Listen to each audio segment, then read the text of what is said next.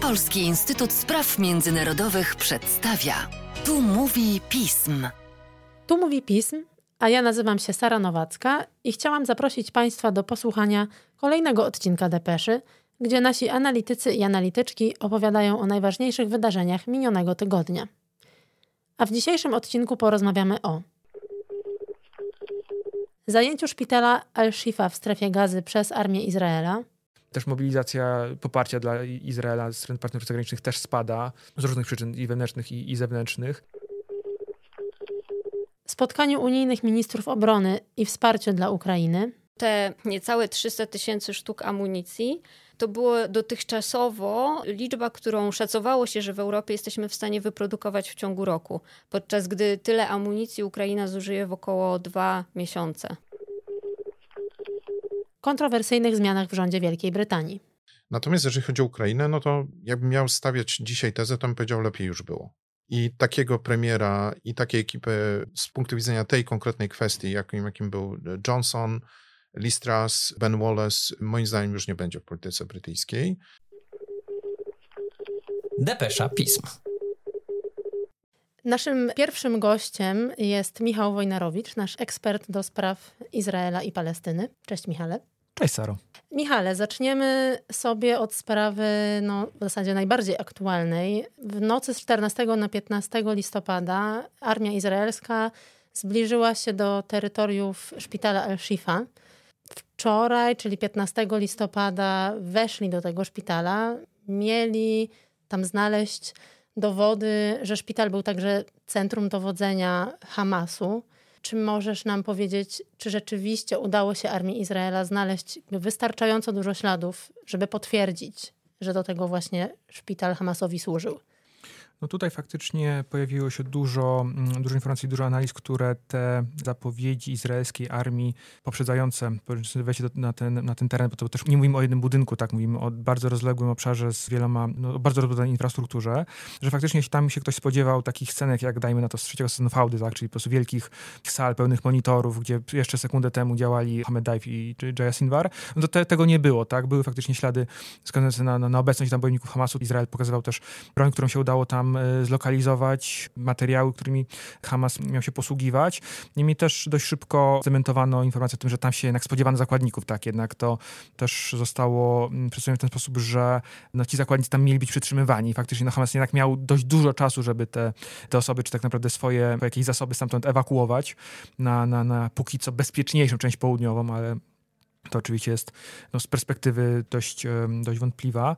Więc y, no, z jednej strony no, Izrael no, musiał sprawdzić ten obszar, z drugiej strony był pod bardzo, bardzo baczną obserwacją tak całej społeczności międzynarodowej, tak, no, bo ta kwestia tej interwencji w szpitalu to była rzecz, która generowała potworne emocje, potwornie dużo, dużo informacji, no bo to jest faktycznie no, rzeczy, rzecz trochę bez precedensu, tak, no, operacja tak naprawdę na ciągle jednak funkcjonującym jeszcze jako szpitalu, tak, ryzyko dla pacjentów, ryzyko dla osób tam po prostu funkcjonujących. No faktycznie nie, nie doszło do jakichś też dużych, ponoć tylko do kilku jakichś tam pojedynczych starć, niemniej i ta operacja przebiegła w miarę, w miarę spokojnie, no ale faktycznie te, te deklaracje, że przeprowadzenie tego, tego działania jakoś tam znacząco osłabi Hamas, no raczej się nie, nie spełniają, tak, widać, że ta organizacja jeszcze jest w stanie Izrael atakować, że ciągle ma duże zasoby, nie jest w stanie rozsypki, a takie wizerunki jednak mimo wszystko, że, że Izrael po prostu kontrolujący szpital, czy jakby narażający życie, zdrowie pacjentów, no to jest coś, co będzie na, na izraelskiej stronie bardzo ciążyć. A powiedz mi, Michale, no bo w takim razie rozumiem, że te poszukiwania jakby takiego jakiegoś głównego centrum, gdzie mogli być przetrzymywani zakładnicy, skąd Hamas miałby dowodzić, będą kontynuowane. I czy, czy Izrael ma w tym zakresie jakiś taki cel, którego osiągnięcie uzna za w ogóle sukces całej operacji? Tym sukcesem ma być ten najważniejszy deklarowany, tak, czyli no, zniszczenie struktur Hamasu i uwolnienie zakładników, tak jakby padało od samego początku. Niemniej o ile Hamas faktycznie ma kilka centrów, w których, z których operuje, no to one są rozsiane po całej strefie gazy. To, że Izrael teraz kontroluje dość, już myślę, y, no, wedle deklaracji, jak całościowo tam przynajmniej powierzchnię północnej części strefy gazy i ciągle jakby ten, ten obszar no, penetruje, bada y, i, i tam są prowadzone różne poszukiwania, to jednak kontynuacja tej operacji wydaje się być jednak nieunikniona, jeśli faktycznie no, będą chcieli chociaż minimalnie spróbować jednak dokonać tych, e, dopełnić tych celów, no bo póki co y, są one dalekie do, do realizacji. Izraelskiej stronie udało się tak naprawdę uwolnić tylko siłowo, dajmy na to przy, przy no, metod operacyjnych, tylko jedną zakładniczkę. Od, od wielu tygodni trwają ponoć negocjacje jakby na temat tak naprawdę no dealu, tak, w zamian za y, zawieszenie broni, za zwiększenie dostaw y, czy paliwa, czy pomocy humanitarnej ma Hamas uwolnić kilkudziesięciu dokładników, w zamian również za uwolnienie części palestyńskich więźniów, tak, których jest parę tysięcy w izraelskich więzieniach czy innych ośrodkach. Także jesteśmy, wydaje mi się, dalecy od zakończenia tego konfliktu. Na pewno stronie izraelskiej zakończenie go w tym momencie totalnie, mówiąc eufemistycznie, nie opłaca, bo, no bo faktycznie to jeszcze zupełnie jest moment, że obiektywnie, czy nawet subiektywnie tak, ogłosić pokonanie Hamasu, czy jakoś złamanie możliwości działania, a przypomnijmy, że mówimy jednak o tym wariancie, że ta organizacja zostanie totalnie ze strefy gazy usunięta. Jednocześnie też pojawiają się coraz częściej jakieś nawiązania do możliwości wysiedlenia Palestyńczyków na stałe. I tutaj zakładam, że są różne opcje, czy to będzie cała strefa gazy, czy to będzie właśnie tylko ta północna część strefy gazy. Czy możesz powiedzieć, na ile rzeczywiście taka możliwość jest dotykalna i na ile w ogóle dałoby się takie, w cudzysłowie, rozwiązanie wprowadzić? Faktycznie tu się łączy parę wątków. Z jednej strony mamy takie, że czysto powiedziałbym taktyczno-operacyjne, tak? Czyli izraelska armia, no, każda wojna była potrzebna do strawienia, gdy walczyli nie tylko żołnierze, mimo wszystko, tak by to jest ich rola. Obecność cywili, o których dobrostan, tak, o których życie strony muszą się, muszą się troszczyć, to jest jakby ta główna, główna zasada. Znacząco też zdolności operacyjne utrudnia, więc to chociażby po to były te prośby, czy, czy właśnie wezwania do ewakuacji z, z północy na południe, żeby tam izraelskiej armii trochę, w cudzysłowie, no, oczyścić przedpole, więc to są jakby te, te kwestie czysto, czysto militarne, tak? Ale chodzi na ten aspekt jakby bardziej dyplomatyczny czy polityczny, to faktycznie wszystko, co wiąże się z przesiedleniem dużej liczby ludności, tak przymusowym, tak? No to to jest, podpada pod różne kategorie pewno międzynarodowej, tak? Czystki etnicznej, czy, czy zbrodni wojennej, czy innych tego typu form. Izraelscy politycy, szczególnie ci z radykalnej prawicy, bardzo często podnoszą tego typu właśnie wyzwania, no bo to wygląda bardzo ładnie na papierze, także tu przesiedlimy ludność, tak to raczej się chce, pokonamy Hamas i no i właśnie pytanie, czy dalej, czy, czy ta ludność będzie mogła wrócić, czy będą jakieś ograniczenia. To jest trochę takie myślenie życzeniowe izraelskiej prawicy, która no, y, marzy, żeby kiedyś ten po Palestyńczycy pewnego dnia jakoś no, no przestali być problemem, punktem odniesienia jakby i powiedzmy, że takie marzenie, że zamkną oczy i problem się, rozwiąże sam, sam z siebie z jakiegoś powodu. No bo próby rozwiązania to faktycznie zakrawa na, na zbrodnię wojenną. Były sygnały też o możliwości na jakiejś alokacji mm, na Półwysep Synaj, tak to jest jakby najbardziej naturalny kierunek na, na tę chwilę. Niemniej no, tu, tu władze Egiptu stają twardo na nie. E, no i też nie zapominajmy, że też dla wielu Palestyńczyków to nie jest kwestia, że to nie jest kwestia wyboru, ale też tam jest bardzo mocno zakorzenione jednak przekonanie też na poziomie tożsamościowym, że opuszczenie swojej ziemi po raz kolejny w wielu przypadkach, bo wielu, e, wielu mieszkańców strefy gazy to są formalnie palestyńscy uchodźcy i jakby no utrzymanie tego miejsca, trwanie, tak, to jest też y, bardzo, bardzo istotna część ich, ich tożsamości. Po prostu oni nie chcą, mimo jakby wszystkich ciężkich, strasznych warunków, jakie tam y, się, y, się dzieją właśnie w wyniku wojny Hamasu i Izraela, no to mimo wszystko oni, oni tam trwają. Tak, no myślę, że też nauczeni doświadczeniem, że prawo do powrotu, które gdzieś tam zostało wpisane w pomysły na rozwiązanie kwestii palestyńsko-izraelskiej raczej nie jest w ogóle czymś możliwym do, do zrealizowania. Chciałam Cię też zapytać, czy możemy w zasadzie powiedzieć, że Hamas teraz został sam? To znaczy widzimy, że pojawiają się jakieś takie naciski ze strony Hamasu na, na jego partnerów, w stronę Iranu, żeby się w jakiś sposób zaangażowali, ale wygląda na to, że Iran absolutnie zrobił krok w tył i stwierdził, że nie będzie się angażował w ten konflikt. No to jest bardzo trudne pytanie, bo z jednej strony możemy faktycznie to tak pociągnąć tą, tą analizę w stronę, że, e, że chociażby nie wiem, potencjał odstraszenia USA czy działań dyplomatycznych państw arabskich odniosły sukces i Iran jest wstrzymany, że Hezbollah jednak ograniczy się tylko i wyłącznie do tej formy eskalacji, jaką do tej pory podjął na, na północy, ale być może jest to element właśnie na uśpienie czujności, taki jakby w tym momencie. Jednak jakieś plany są cały czas procedowane tak naprawdę i tak naprawdę dowiemy się o nich, kiedy one się wydarzą. Wydaje mi się jednak, że faktycznie e, póki co tak naprawdę punktem odniesienia jest, wydaje mi się, jakiś taki krótkoterminowy moment pauzy strategicznej zawieszenia broni, tego momentu, na który tak jednak wszyscy czekają, czy naciskają na to bardzo Stany Zjednoczone, czyli właśnie dotyczące zakładników, dotyczące właśnie pomocy humanitarnej, że faktycznie jak e, Izrael ogłosi pewnego rodzaju zakończenie etapu operacji na północy, to otworzy pewne pole właśnie do takiej bieżącej wymiany, a później tak naprawdę podjęcie dalszych, dalszych planów, dalszych kroków i mamy tutaj decyzji po stronie władz izraelskich, w którą stronę to będzie procedowane. Czy idziemy razem z tymi dalekimi celami i ruszamy na południową strefę gazy, czy może jednak coś, jak, jak, jakiś inny wariant, tak? No, y, na pewno czas ludności cywilnej, tak, zbliża się zima, warunki będą coraz trudniejsze, pomoc humanitarna będzie potrzebna w jeszcze większym zakresie, a teraz warunki są, są skrajnie trudne. Też mobilizacja poparcia dla Izraela ze strony partnerów zagranicznych też spada z różnych przyczyn i wewnętrznych i, i, zewnętrznych. Także no, kolejne tygodnie to tak naprawdę kolejne decyzje, ale też no, kolejne, e, kolejne przyciąganie tego konfliktu i tak póki co trudno wskazać jasny, tak powiem z angielska, endgame. Bardzo Ci dziękuję, Michale. Państwa zapraszam do czytania tekstów Michała, jeżeli, jeżeli chcecie Państwo zapoznać się z tym, jak rozwija się sytuacja w strefie gazy i w Izraelu. Dzięki. Dziękuję. Depesza Pism. Naszym drugim gościem jest Ola Kozioł, która w pism zajmuje się kwestiami bezpieczeństwa Unii Europejskiej. Cześć Olu. Cześć. Olu, chciałam z Tobą porozmawiać o spotkaniu Rady Unii Europejskiej do Spraw Międzynarodowych, które na kwestiach bezpieczeństwa skoncentrowało się 14 listopada. Takim, można powiedzieć, głównym punktem obrad, czy pierwszym punktem obrad, były zapowiedzi czy wzmocnienie, albo może losy dalszego wsparcia militarnego dla Ukrainy. No i trzeba tutaj powiedzieć, że pierwsze, do czego doszli y, ministrowie do spraw bezpieczeństwa z państw Unii, to to, że nie uda im się spełnić takiego założenia, które sobie postawili, że do mniej więcej marca przyszłego roku państwa Unii Europejskiej, czy Unia Europejska przekaże Ukrainie około miliona pocisków.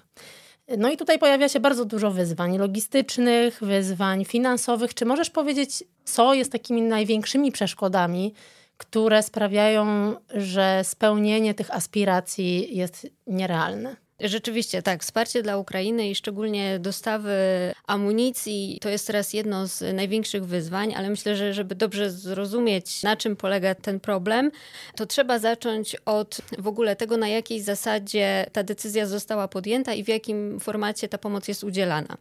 Unia Europejska bardzo szybko zaangażowała się w pomoc Ukrainie. W zasadzie już od lutego, czyli od momentu pełnoskalowej agresji Rosji, na to państwo zaczęła udzielać mu pomocy. I takim głównym instrumentem wykorzystywanym do tego celu był Europejski Instrument na Rzecz Pokoju.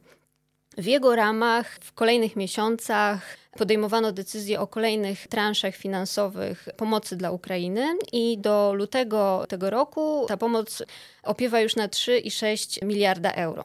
Natomiast Ukraina wciąż potrzebując wsparcia zwróciła się do Unii Europejskiej z prośbą o zwiększenie dostaw amunicji. I w związku z tym w marcu podjęto taką propozycję podejścia trójtorowego do wsparcia Ukrainy, która w swojej istocie właśnie polegała na tym, i to było główne zobowiązanie, polegające na dostawie miliona sztuk amunicji dla Ukrainy w ciągu kolejnych 12 miesięcy, czyli tak naprawdę do marca przyszłego roku. I pierwszy tor tego podejścia to jest przyspieszenie dostaw z własnych zapasów, a drugi tor to są wspólne zamówienia. I na dwa te tory w ramach tego instrumentu przyjęto dwie transze po miliard euro każda właśnie aby pomóc państwom członkowskim Unii Europejskiej zakupić, zakupić i przekazać Ukrainie tą amunicję lub y, przekazać ją też z własnych zapasów.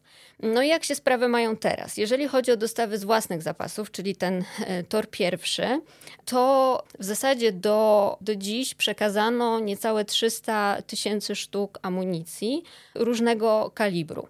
Natomiast jeżeli chodzi o tor drugi, czyli wspólne zamówienia na amunicję, no to tutaj sprawa jest trochę trudniejsza, no bo ta procedura z racji swojej istoty po prostu trwa trochę dłużej, ale też jest objęta klauzulą, to znaczy nie wiemy dokładnie, na jaką ilość opiewają zamówienia i kiedy będą zrealizowane. Natomiast z przecieków Reutersa wiemy, że jedynie 7 państw z 25, które biorą udział w tym projekcie, złożyło takie wspólne zamówienia.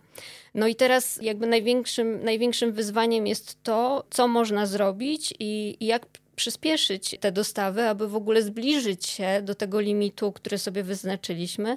No bo jeśli spojrzymy na liczby, no to nie wygląda to najlepiej. Dostarczyliśmy tak naprawdę około 30% zapowiedzianej liczby amunicji, no a zostały nam tak naprawdę 4 miesiące do wyznaczonego przez nas terminu, ale to już jest jakby problem bardziej złożony i związany w ogóle z sektorem obronnym. Czy są tam też jakieś takie kwestie polityczne? To znaczy, no wiemy, że nie wszystkie państwa Unii Europejskiej godzą się czy popierają wsparcie dla Ukrainy w takim samym zakresie. Więc na przykład, czy mamy jakieś tutaj różnice między państwami Unii Europejskiej, jeżeli chodzi o ich wolę zaangażowania w cały ten proces? Znaczy tak, na pewno, na pewno te różnice istnieją i one też mają znaczenie, natomiast wydaje się, że to, co jest bardziej istotne, to jest po prostu taka ogólna mobilizacja i też mobilizacja samego przemysłu europejskiego, który do tej pory nie był przystosowany, aby produkować amunicję w tak olbrzymich ilościach. Bo może, żeby złapać jakiś punkt odniesienia, no to te niecałe 300 tysięcy sztuk amunicji to było dotychczasowo liczba, którą szacowało się, że w Europie jesteśmy w stanie wyprodukować w ciągu roku, podczas gdy tyle amunicji Ukraina zużyje w około dwa miesiące. Tak, no to mam takie liczby, że Ukraina zużywa 6 tysięcy pocisków dziennie. Mhm, tak, to, są, to mniej więcej tak by się sumowało. To są ogromne liczby. Czytamy w dokumentach, które powstały po tym spotkaniu, że państwa, czy właśnie ministrowie wzywają do zwiększenia dostępu do bazy technologiczno-przemysłowej dla sektora obronnego Unii Europejskiej. I tu chodzi też o finansowanie i publiczne, i prywatne. Czy możesz nam powiedzieć, jakie działania Unia może podjąć, jakie w ogóle ma narzędzia, żeby rzeczywiście to finansowanie zwiększyć i też jaki wpływ na bezpieczeństwo państw Unii ma na przykład większy udział sektora prywatnego w takich działaniach? Rzeczywiście, generalnie ta, te problemy bazy technologiczno-przemysłowej sektora obronnego w Unii są głębokie i one się jakby jeszcze mm, spotęgowały w związku z rosyjską pełnoskalową agresją na Ukrainę. Trudności generalnie są związane z ogólnym stanem europejskiego przemysłu obronnego. Zresztą na to wskazywała już analiza luk inwestycyjnych w dziedzinie obronności z maja zeszłego roku. I one wynikają jakby z takich dwóch głównych przyczyn. Przede wszystkim strukturalnych, czyli niskich krajowych wydatków na obronność, fragmentacji tego sektora i dopasowania produkcji do potrzeb poszczególnych zamawiających czy poszczególnych państw. No i z drugiej strony właśnie tych strategicznych, które to są nowe wyzwania związane z rosyjską agresją. No i tutaj, tak jak już mówiliśmy, chodzi przede wszystkim o szybkie zwiększenie produkcji, a także ewentualną zmianę logiki działania, czyli też przekierowanie części unijnego eksportu, który cały czas przecież ma miejsce do państw trzecich i nadanie priorytetu dostawom do Ukrainy. I aby te problemy rozwiązać, Unia podejmuje kolejne próby czy kolejne działania i tak w lipcu na przykład zadecydowano o przyjęciu aktu wspierającego produkcję amunicji i to jest ten tor trzeci z tej trójtorowej, z tego trójtorowego podejścia, o którym mhm. zaczęłam mówić na początku, a w październiku na przykład akt na rzecz wzmocnienia europejskiego przemysłu obronnego przez wspólne zamówienia. I każdy z tych aktów powinien jakby wesprzeć ten rozwój bazy technologiczno-przemysłowej. No natomiast to nie jest proces krótkotrwały, więc raczej powinniśmy się nastawiać na to, że ta zmiana nastąpi dopiero w ciągu kolejnych kilku lat. Drugi aspekt, który został poruszony na spotkaniu, pozornie może on jest taki trochę bardziej niszowy, ale można odnieść wrażenie, że w ostatnich latach właśnie przechodzi coraz bardziej takiego głównego nurtu polityki, no to była kwestia kosmosu i bezpieczeństwa w kosmosie. Czy możemy, możesz umiejscowić jakoś w ogóle podejście Unii Europejskiej do jakiejś strategii i bezpieczeństwa w kosmosie? Tak, rzeczywiście, no wydaje się, że kwestie kosmiczne są jakby na drugim planie w porównaniu do, do sytuacji w Ukrainie, ale okazuje się, że one są też nie mniej ważne. I jeżeli chodzi o Unię Europejską, to tak naprawdę możemy mówić, że to jest jedna ze światowych potęg kosmicznych, głównie ze względu na to, że posiada dwa bardzo rozbudowane programy kosmiczne. Jeden z nich to Galileo, czyli nawigacja satelitarna, a drugi to Kopernikus, czyli system e, obserwacji Ziemi. I zresztą tutaj możemy już od razu poczynić bezpośrednie nawiązanie też do, do wojny w Ukrainie. Unia Europejska dzięki temu, że posiada tak rozbudowane zdolności obserwacji Ziemi, już w lutym zeszłego roku podjęła decyzję o tym, że będzie udostępniała obrazowanie satelitarne stronie ukraińskiej. Przez centrum satelitarne Unii Europejskiej. Więc nawet te odległe, wydawałoby się, kosmiczne tematy też mają przełożenie na, na sytuację za naszą wschodnią granicą. Natomiast jakby wracając do, do samej kwestii kosmosu, roli i podejścia Unii Europejskiej, no to Unia Europejska rozwija swoje zdolności już w zasadzie od początku lat 2000. Natomiast głównie czyniła to w charakterze cywilnym i, w ten sposób koncentrowała się też na, na, na, kwestiach kosmicznych. Natomiast od, y, od kilku lat dostrzega coraz wyraźniej ten strategiczny charakter przestrzeni kosmicznej i w związku z tym też naturalnie znaczenia nabierają tutaj kwestie bezpieczeństwa. Zresztą w marcu tego roku y, przyjęła pierwszą strategię kosmiczną na rzecz bezpieczeństwa i obrony. W związku z czym wyraźnie widać, że te, że te kwestie bezpieczeństwa nabierają na, na znaczeniu. Jeżeli chodzi o unijne podejście do, do kwestii bezpieczeństwa i obrony w kosmosie, to jest dopiero kwestia tak naprawdę przyszłości. To podejście jest dopiero formowane, ale już można wyróżnić pewne takie główne aspekty, na których Unia Europejska będzie starała się skupić. I przede wszystkim to jest ogólne zwiększenie wiedzy na temat zagrożeń związanych z przestrzenią kosmiczną. I chodzi tutaj głównie o to, aby przeprowadzać takie coroczne, niejawne analizy tych zagrożeń i dzięki temu móc zwiększyć z jednej strony odporność, ale też lepiej chronić systemy i usługi kosmiczne, od których w coraz większym stopniu jesteśmy, jesteśmy wszyscy zależni. No i trzecia, trzecia rzecz jest taka, to ogólnie zapewnienie bezpieczeństwa obywatelom Unii Europejskiej i lepszego reagowania z jednej strony na zagrożenia kosmiczne, a z drugiej strony wykorzystywania zdolności kosmicznych do tego, aby nam bezpieczeństwo zapewniać i nas bronić. Dziękuję Ci bardzo, Olu. Państwa zachęcam do wejścia na naszą stronę, gdzie jeżeli zainteresował Państwa kosmos, można znaleźć kilka tekstów Oli na ten temat. Dzięki. Dziękuję. Depesza Pism. Naszym ostatnim gościem jest Przemek Biskup, nasz ekspert od spraw brytyjskich. Cześć Przemku. E, cześć Sara. A ostatnio w Wielkiej Brytanii mieliśmy okres dosyć gorący. Najpierw gigantyczne protesty związane z sytuacją w Palestynie, później dosyć nieoczekiwane zmiany w rządzie. Rishi Sunak zdecydował się zamienić osobę na stanowisku ministra spraw wewnętrznych i stanowisko ministra spraw wewnętrznych przejął poprzedni sekretarz stanu, minister spraw zagranicznych James Cleverly, a na stanowisko ministra spraw zagranicznych powrócił były brytyjski premier David Cameron. Dużo kontrowersji. Czy jesteś w stanie na przykład uszeregować, które z tych postaci budzą najwięcej emocji w społeczeństwie brytyjskim? No oczywiście ta, której nie wymieniłeś, albo wymieniać ją pośrednio, czyli pani Swella Braverman, przez niektórych zwana Cruellą, w oczywistym nawiązaniu do, do klasyki disneyowskiej. Bo trzeba powiedzieć, że jest bezpośredni jąknięcie między tymi protestami, o których wspomniałaś, propalestyńskimi i całym tym przemeblowaniem rządu. To wynika z e, faktu, że pani Braverman, kiedy tworzył się rok temu rząd Sunaka, ona była najważniejszą reprezentantką prawego skrzydła partii konserwatywnej, dla której super ważne są kwestie polityki imigracyjnej, twardego Brexitu, zerwania ciągłości prawnej z Unią Europejską. I Braverman miała tego pilnować i pilnowała, ale to prowadziło do stałych konfliktów z Sunakiem, narastania takiej sytuacji bardzo zaognionych relacji. To w końcu eksplodowało w zeszłym tygodniu. Po otwartym artykule pani Braverman w The Times, kiedy ona oskarżyła policję brytyjską o nierówne traktowanie różnych demonstracji, o bardziej łagodne traktowanie demonstracji związanych z lewą stroną spektrum politycznego, na przykład Black Lives Matter, z przeszłości, czy właśnie w ostatnich dniach dosłownie tych demonstracji propalestyńskich, które dodajmy, miały wiele elementów na pewno antyizraelskich, ale również stricte antysemickich, typu trzeba y, wyrzucić stąd wszystkich Żydów albo no, nawet mocniejsze teksty. I tutaj dochodzi jeszcze do tego w jej przypadku pewien wątek osobisty, to znaczy jej mąż jest, jest Żydem chociaż ona sama jest buddystką. I to spowodowało, że no, po prostu ta sytuacja eksplodowała. Sunak zdecydował się demisjonować w trybie pilnym. To się zakończyło, jak to zresztą często w przypadku Wielkiej Brytanii, takim totalnym przemeblowaniem gabinetu, schodzącym na poziom nawet najniższych stanowisk ministerialnych.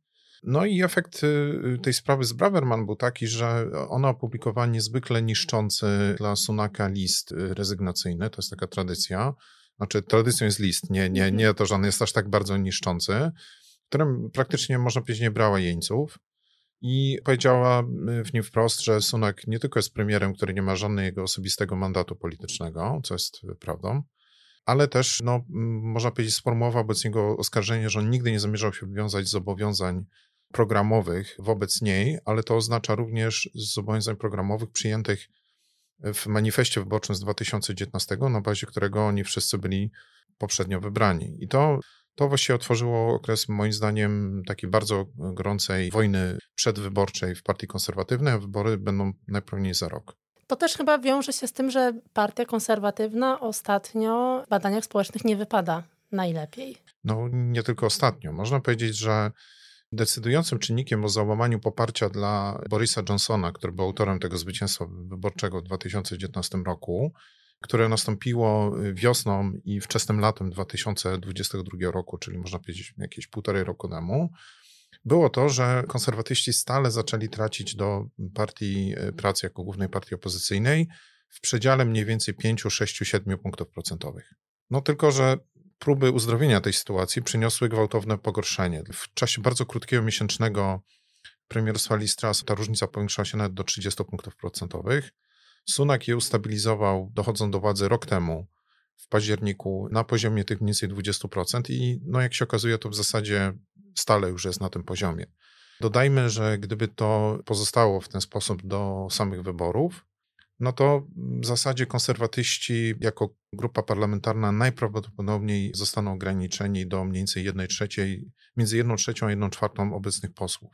Jak w to wpisuje się powrót Davida Camerona? Bo on jednak ma takie dziedzictwo no, co najmniej kontrowersyjne. Tak? Z jednej strony Brexit, z drugiej strony mówi się, że Brytyjczycy dosyć negatywnie odnoszą się do tej jego polityki takiej radykalnej finansowej. Czy jest jakaś szansa, że jego postać będzie w stanie przywrócić ten dobry wizerunek konserwatystów brytyjskich, czy to właściwie nie jest jego rola i rzeczywiście ma się bardziej skoncentrować na tylko i wyłącznie polityce zagranicznej, a nie też zdobywaniu brytyjskich serc? Ta decyzja jest strasznie nieintuicyjna, niestandardowa i moim zdaniem per saldo chyba oparta o błędne założenia. Ale spróbujmy ją zracjonalizować. Mhm. Czyli po pierwsze, dlaczego Camerona, a nie ktoś z obecnych posłów? Co byłoby naturalnym rozwiązaniem, tak? Przypuszczenie dlatego, że nie ma już sensownych kandydatów i nie tylko pod względem merytorycznym, ale też to, co dla Sunaka w kontekście tego konfliktu z Braverman, już takiego eksplodującego, jest podstawową sprawą, politycznych. To znaczy, Sunak jest bardzo słabym politycznie premierem, i ewidentnie po prostu nie ufa dużej części swoich własnych kolegów parlamentarnych. Więc chciał sięgnąć po kogoś, kto będzie całkowicie zależny od niego, w sensie takim politycznym, będzie wobec niego lojalny i pod żadnym pozorem nie będzie dla niego konkurencją. I Cameron, jako wskrzeszony, wskrzeszony trup polityczny, właśnie takie warunki spełnia. Dodajmy, że Cameron do tej pory nawet nie zasiadał w Izbie Lordów. Specjalnie trzeba było go tam wysłać, żeby móc go mianować ministrem. To oznacza, że on w sensie politycznym nie będzie miał żadnej własnej niezależnej pozycji. Po drugie, myślę, że gdzieś tam była kalkulacja, że jak się przypomni wyborcom Camerona, który przypomnijmy w 2010 i 2015 roku dwukrotnie wygrał dla Partii Konserwatywnej wybory i którego premierostwo było ostatnim okresem, który dzisiaj z dzisiejszej perspektywy może być oceniany jako okres takiej stabilnej, przewidywalnej polityki konserwatywnej, aczkolwiek przypomnijmy, to był równocześnie bardzo bolesny okres, bo to był okres najgłębszych cięć budżetowych w ogóle w, co najmniej w XXI wieku, jeśli nie w ciągu ostatnich 50 lat, mniej więcej od czasów pani Thatcher, to jakby być może część wyborców spojrzy łaskawie, bardziej łaskawie okiem. Natomiast z Cameronem osobiście, z jego dziedzictwem wiąże się też cały szereg problemów, które moim zdaniem w sumie te wszystkie kalkulacje czynią trochę trochę wątpliwymi, mówiąc bardzo dyplomatycznie, bo po pierwsze, Cameron dostał portfolio, w którym będzie musiał realizować program, który w zasadzie jest zaprzeczeniem jego własnych poglądów, jego własnego programu. Będzie musiał być brexitowym ministrem, kiedy wszyscy wiemy, że on był w trakcie kampanii referendalnej w 2016 był przeciwko brexitowi będzie musiał wdrażać twardszą linię wobec Chin, kiedy był twarzą w pierwszej Złota dekadzie, e, tak, z, z, złotej, e, był twarzą tej złotej relacji z, z Chinami będzie odpowiadał za w jakiejś mierze za nową politykę bezpieczeństwa. Przypomnijmy, że w ogóle na przykład w Wielkiej Brytanii to Ministerstwo Zagranicznych nadzoruje, kieruje wywiadem. A jednocześnie był autorem największych cięć w dziedzinie finansowania obrony i polityki zagranicznej w XXI wieku ma stać się nową twarzą brytyjskiej polityki, no ale jest byłym sześcioletnim premierem z bardzo kontrowersyjnym dziedzictwem. No i e, do tego jeszcze wszystkiego, jak spojrzymy na skład tego, może być najwęższego kręgu współpracowników Sunaka w tej chwili, po, tej, po, po tym przemeblowaniu, no to wychodzi jeszcze na to, że wraca coś, co brytyjskim, angielskim slangowo się określa jako chamocracy, czyli e, crassy, wiadomo jak democracy, a, a cham to jest po prostu taki kumpel, dobry, dobry kolega. Mhm. I to są w zasadzie wszystko, jak to złośliwie zauważono, mężczyźni w średnim wieku, nie ma tam żadnej kobiety, wszyscy mają ten sam profil społeczny, prywatne szkoły, później najbardziej elitarne uniwersytety. No, można powiedzieć tacy klasyczni przedstawiciele establishmentu brytyjskiego, że już bardziej się nie da. I skumulowany efekt tych wszystkich zastrzeżeń do Camerona powoduje również, że to jest de facto bardzo demonstracyjne, wręcz powiedziałbym w pewnym sensie pogardliwie dla pewnych części elektoratu, tak to może być odbierane, wyrzucenie do kosza całej wyborczej podstawy wielkiego projektu próby odnowy partii konserwatywnej jako partii narodowo-konserwatywnej, który był z pewnymi większymi czy mniejszymi wahaniami wdrażany przez Theresa May i później Borisa Johnsona i później Liz Truss. Dlatego, że dla tych wyborców, którzy dali te sukcesy partii konserwatywnej, takie jakie one były, wyborcze w 2017 roku i 2019, kluczowa była kwestia poparcia byłych wyborców Partii Pracy na terenie poprzemysłowych okręgów, które powiedzmy w polskich warunkach moglibyśmy porównać do, do Śląska na przykład. Mhm. No i z ich punktu widzenia Cameron jest dokładnie antytezą tego, co oni chcieli. Mhm. I to moim zdaniem zakończy się, przyspieszy katastrofę e, wyborczą partii, partii konserwatywnej. Natomiast myślę, że kalkulacja jest taka, że skoro konserwatyści mają przegrać, to trzeba się skupić na obronie takiego najwęższego kręgu poparcia dla partii konserwatywnej, który w swojej istocie sprowadza się do bardzo bogatej klasy średniej, tej najbogatszej warstwy klasy średniej, żyjącej na południu Anglii, o bardzo liberalnych społecznie poglądach i konserwatywnej fiskalnie. I no i to jest w zasadzie odwrót w pewnym sensie, jeżeli chodzi o politykę wyborczą, od wszystkiego tego, co konserwatyści robili od e, przynajmniej 2015 roku. A takie aktualne sprawy, jak właśnie na przykład z jednej strony Ukraina, z drugiej strony kwestia starć między Izraelem i Hamasem. Cameron w czasie kiedy był premierem, mówi się, że miał dosyć, był takim czempionem właśnie relacji europejskich z Ukrainą i brytyjskich z Ukrainą. Z jednej strony krytykował Izrael, to znaczy tą politykę opresji Izraela wobec Palestyńczyków, ale też utrzymywał dobre, starał się utrzymywać dobre relacje z tym państwem. Czy w kontekście tych dwóch ważnych wojen, konfliktów, które się dzieją, Czego możemy się po, po Cameronie spodziewać? Bardzo krótko, przy okazji trochę autoreklamy, w najbliższym czasie będzie mój biuletyn na ten temat. Jeżeli chodzi o Izrael, to Cameron w zasadzie reprezentuje absolutnie taką średnią arytmetyczną e, partii konserwatywnej, którą moim zdaniem bardzo dobrze opisałaś. To jest w sumie postawa dosyć zniuansowana i taka jakby widząca różne aspekty tej sprawy. W przeciwieństwie do Partii Pracy, gdzie jest niezwykle silne skrzydło absolutnie propalestyńskie i bardzo zjadliwie antyizraelskie, momentami wręcz antysemickie. Warto przypomnieć, że pod rządami lidera lewego skrzydła Partia Pracy, Jeremiego Corbina w latach 2015-2019 ta partia była regularnie notowana przez różne organizacje obrony praw człowieka jako mająca systemowy problem z antysemityzmem w własnych szeregach. Więc e, poważna sprawa. Natomiast jeżeli chodzi o Ukrainę, no to jakbym miał stawiać dzisiaj tezę, to bym powiedział, lepiej już było. Mhm. I takiego premiera, i takiej ekipy z punktu widzenia tej konkretnej kwestii, jakim, jakim był Johnson, Listras, Ben Wallace, moim zdaniem już nie będzie w polityce brytyjskiej. Co więcej, wydaje się, że zarówno to jest osobisty pogląd y, Sunaka wdrażany od początku jego premierostwa, jak i teraz na pewno to uzyska dodatkowe wsparcie ze strony tej, tej misji realizowanej przez Camerona będzie następowała europeizacja e, pod pewnymi względami polityki brytyjskiej względem Ukrainy, ale europeizacja rozumiana nie jako bliższa współpraca z Polską, tylko raczej z Niemcami i Francją. Więc e, co to w praktyce oznacza, możemy sobie mniej więcej e, wyobrazić. Dzięki Ci wielkie, Przemku. Dziękuję za bardzo. Zrelacjonowanie tych wszystkich sprzeczności wewnętrznych brytyjskiej polityki. Dzięki. Dzięki za zaproszenie. Depesza Pism.